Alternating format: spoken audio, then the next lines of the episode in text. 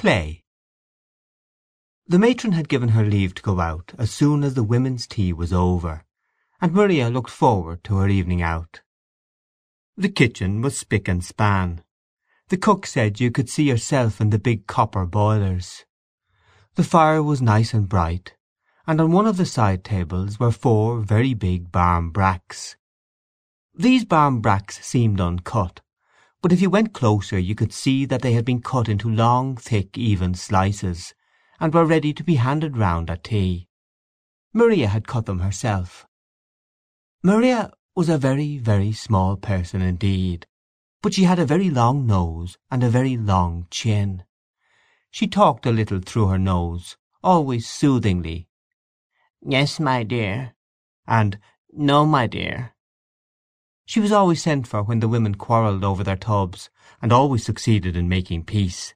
One day the matron had said to her, "Maria, you are a veritable peacemaker," and the sub matron and two of the board ladies had heard the compliment and Ginger Mooney was always saying what she wouldn't do to the dummy who had charge of the irons if it wasn't for Maria. Everyone was so fond of Maria. The women would have their tea at six o'clock, and she would be able to get away before seven. From Ballsbridge to the Pillar, twenty minutes. From the Pillar to Drumcondra, twenty minutes, and twenty minutes to buy the things. She would be there before eight. She took out her purse with the silver clasps and read again the words, "A present from Belfast." She was very fond of that purse, because Joe had brought it to her five years before, when he and Alfie had gone to Belfast on a Whit Monday trip. In the purse were two half crowns and some coppers. She would have five shillings clear after paying tram fare. What a nice evening they would have, all the children singing! Only she hoped that Joe wouldn't come in drunk. He was so different when he took any drink. Often he had wanted her to go and live with them, but she would have felt herself in the way, though Joe's wife was ever so nice with her, and she had become accustomed to the life of the laundry. Joe was a good fellow. She had nursed him, and Alfie too, and Joe used often to say, "Mamma is mamma, but Maria is my proper mother."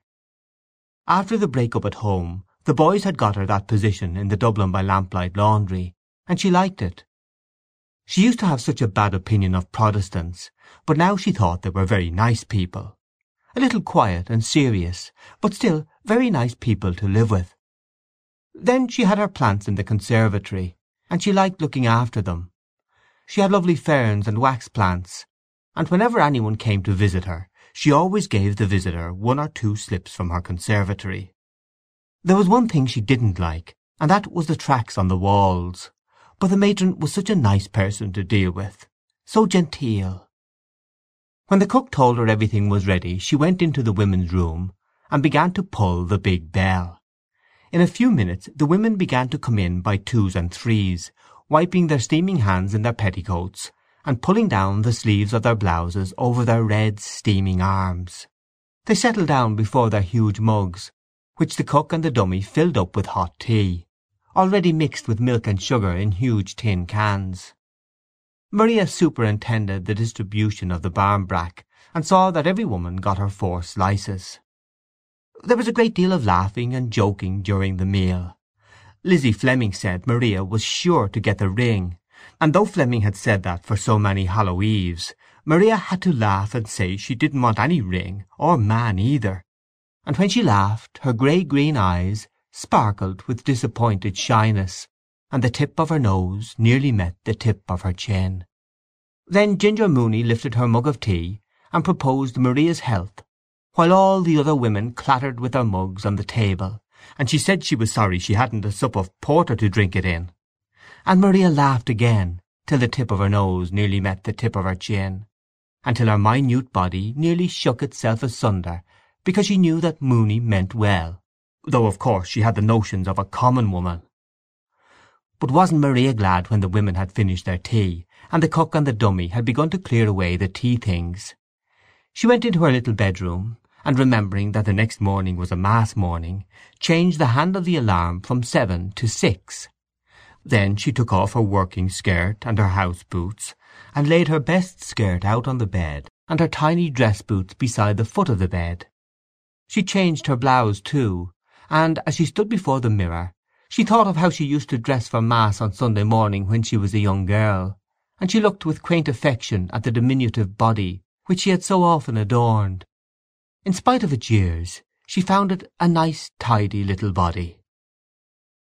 When she got outside the streets were shining with rain, and she was glad of her old brown waterproof. The tram was full, and she had to sit on the little stool at the end of the car, facing all the people, with her toes barely touching the floor. She arranged in her mind all she was going to do, and thought how much better it was to be independent and to have your own money in your pocket. She hoped they would have a nice evening. She was sure they would, but she could not help thinking what a pity it was Alfie and Joe were not speaking. They were always falling out now, but when they were boys together they used to be the best of friends. But such was life. She got out of her tram at the pillar and ferreted her way quickly among the crowds. She went into Downes's cake shop, but the shop was so full of people that it was a long time before she could get herself attended to. She bought a dozen of mixed penny cakes, and at last came out of the shop laden with a big bag. Then she thought what else would she buy? She wanted to buy something really nice. They would be sure to have plenty of apples and nuts. It was hard to know what to buy, and all she could think of was cake. She decided to buy some plum cake, but Downes's plum cake had not enough almond icing on top of it, so she went over to a shop in Henry Street. Here she was a long time in suiting herself, and the stylish young lady behind the counter, who was evidently a little annoyed by her, asked her was it a wedding cake she wanted to buy. That made Maria blush and smile at the young lady. But the young lady took it all very seriously, and finally cut a thick slice of plum cake, parcelled it up, and said, "Two and four, please." She thought she would have to stand in the Drumcondra tram, because none of the young men seemed to notice her, but an elderly gentleman made room for her. He was a stout gentleman, and he wore a brown, hard hat. He had a square red face and a greyish moustache. Maria thought he was a colonel-looking gentleman, and she reflected how much more polite he was than the young men who simply stared straight before them. The gentleman began to chat with her about Hallow Eve and the rainy weather. He supposed the bag was full of good things for the little ones, and said it was only right that the youngsters should enjoy themselves while they were young. Maria agreed with him, and favoured him with demure nods and hems. He was very nice with her, and when she was getting out at the canal bridge she thanked him and bowed, and he bowed to her, and raised his hat and smiled agreeably. And while she was going up along the terrace, bending her tiny head under the rain, she thought how easy it was to know a gentleman, even when he has a drop taken. Everybody said, "Oh, here's Maria!" when she came to Joe's house. Joe was there, having come home from business, and all the children had their Sunday dresses on. There were two big girls in from next door, and games were going on. Maria gave the bag of cakes to the eldest boy, Alfie, to divide, and Mrs. Donnelly said it was too good of her to bring such a big bag of cakes, and made all the children say, "Thanks, Maria." But Maria said she had brought something special for Papa and Mamma, something they would be sure to like, and she began to look for her plum cake. She tried in Downes's bag, and then in the pockets of her waterproof, and then on the hall stand, but nowhere could she find it. Then she asked all the children had any of them eaten it, by mistake of course, but the children all said no, and looked as if they did not like to eat cakes if they were to be accused of stealing. Everybody had a solution for the mystery, and Mrs. Donnelly said it was plain that Maria had left it behind her in the tram. Maria, remembering how confused the gentleman with the greyish moustache had made her, coloured with shame and vexation and disappointment. At the thought of the failure of her little surprise, and of the two and fourpence she had thrown away for nothing, she nearly cried outright. But Joe said it didn't matter, and made her sit down by the fire. He was very nice with her. He told her all that went on in his office, repeating for her a smart answer which he had made to the manager.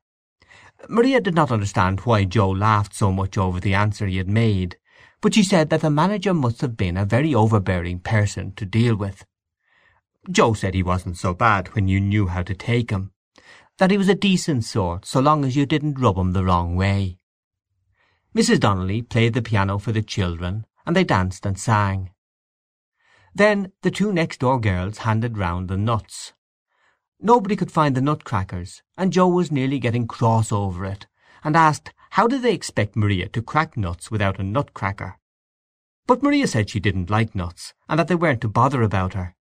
Then Joe asked would she take a bottle of stout, and Mrs. Donnelly said there was port wine too in the house if she would prefer that. Maria said she would rather they didn't ask her to take anything, but Joe insisted. So Maria let him have his way, and they sat by the fire talking over old times, and Maria thought she would put in a good word for Alfie. But Joe cried that God might strike him stone dead if ever he spoke a word to his brother again, and Maria said she was sorry she had mentioned the matter. Mrs. Donnelly told her husband it was a great shame for him to speak that way of his own flesh and blood, but Joe said that Alfie was no brother of his, and there was nearly being a row on the head of it. But Joe said he would not lose his temper on account of the night it was, and asked his wife to open some more stout. The two next-door girls had arranged some Hallow Eve games, and soon everything was merry again. Maria was delighted to see the children so merry, and Joe and his wife in such good spirits. The next-door girls put some saucers on the table, and then led the children up to the table blindfold. One got the prayer book, and the other three got the water. And when one of the next-door girls got the ring, Mrs. Donnelly shook her finger at the blushing girl as much as to say, "Oh, I know all about it." They insisted then on blindfolding Maria, and leading her up to the table to see what she would get; and while they were putting on the bandage Maria laughed and laughed again, till the tip of her nose nearly met the tip of her chin. They led her up to the table amid laughing and joking, and she put her hand out in the air as she was told to do. She moved her hand about here and there in the air, and descended on one of the saucers. She felt a soft wet substance with her fingers, and was surprised that nobody spoke or took off her bandage. There was a pause for a few seconds, and then a great deal of scuffling and whispering.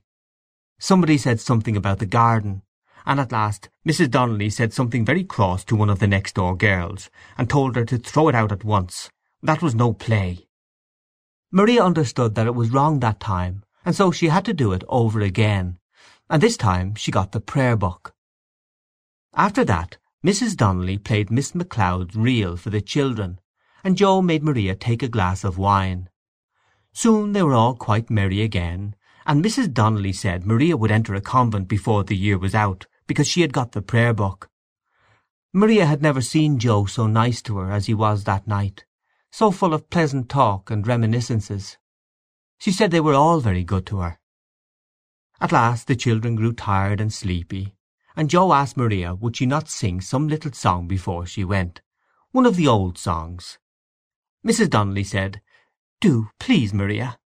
And so Maria had to get up and stand beside the piano. Mrs. Donnelly bade the children be quiet and listen to Maria's song. Then she played the prelude, and said, "Now, Maria." And Maria, blushing very much, began to sing in a tiny quivering voice.